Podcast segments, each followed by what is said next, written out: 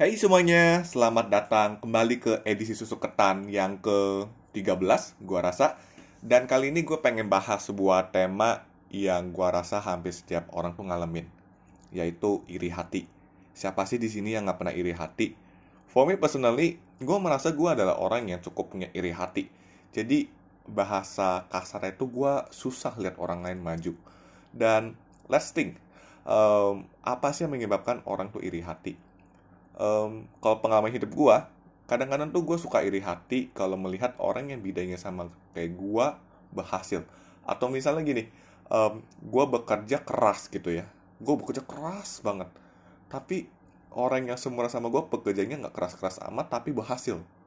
Bete banget tuh. Nyebelin banget nyebelin banget. Atau misalnya kita punya teman sepantaran teman deket dan ternyata teman deket kita lebih berhasil dibanding kita bahaya. Um, ada quotes ternyata ada sebuah penelitian. Jadi ada dua ekor monyet ceritanya diteliti. Di hari pertama dikasih mentimun. Mentimun deh. Sorry ya gue spellingnya salah. Sama sama-sama happy karena sama-sama dikasih mentimun. Hari selanjutnya satu ekor monyetnya lagi dikasih anggur. Dan ternyata monyet yang dapat cuma dapat mentimun ngambek. Kenapa? Karena temennya dapat sesuatu yang lebih dibanding dia dan gua rasa salah satu penyebab iri hati yang paling harus kita waspadai adalah jealous. Eh, sama dong iri sama jealous. Maksud gua dalam artian suka compare sebenarnya. Um, gue pengen cerita sedikit. Gua saat ini lagi gabung ke klub klub pengusaha dan gue ketemu banyak orang keren sih. Um, umurnya sedikit di atas gue berhasil dan kadang-kadang kalau gue compare diri gue sendiri dengan mereka gue tuh bisa di orang yang oh my god selama ini gue kerja keras gue ngapain aja ya. Kenapa gue nggak bisa menghasilkan lebih dibanding orang lain? Tapi ketika mereka lihat gue Kev lu kok punya kepercayaan diri yang bagus ya? Kok lu bisa begini kok bisa begitu ya? Bisa bikin organisasi dan lain-lain. Dan semakin ke sini ternyata gue merasa bahwa human tuh suka compare to each other. Dan belum tentu orang lain yang punya sesuatu yang lebih dia lebih bahagia dibanding kita. Karena toh pada akhirnya kita sebagai human, sebagai manusia, kita sama-sama makan nasi kok. Sama-sama um, punya rasa ingin diakui kok. Dan gua rasa sih sifat ini bukan sifat yang baik. Dan kali ini gue ingin membagi tips kepada teman-teman bagaimana sih caranya untuk bisa handle um, merasa iri hati. Yang pertama adalah pastinya jangan compare diri kita berlebihan dengan orang lain Kenapa? Semakin kita compare diri kita berlebihan dengan orang lain, itu akan membuat hidup kita semakin sengsara.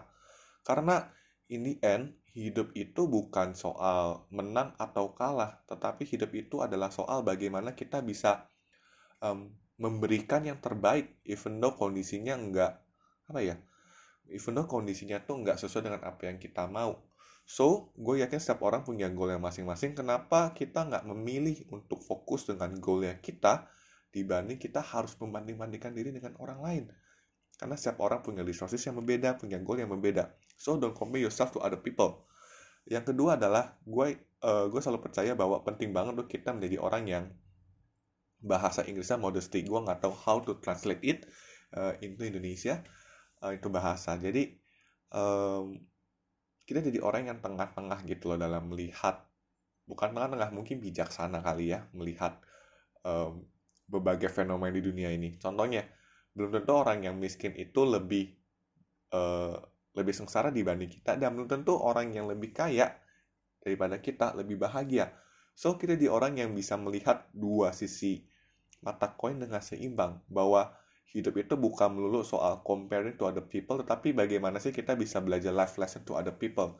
Jadi um, kalau kita bisa mengamati orang dengan baik, gua rasa it is very good thing. Tapi yang bagi gue yang lebih pentingnya adalah kita bisa menjadi orang yang punya hikmat, orang yang bisa mau belajar sehingga melalui pengalaman setiap orang yang ada kita punya hidup yang lebih baik. Um, I think isn't that beautiful? And then bagi gua yang terakhir yang ketiga adalah pastikan diri kita itu selalu jadi pribadi yang bersyukur.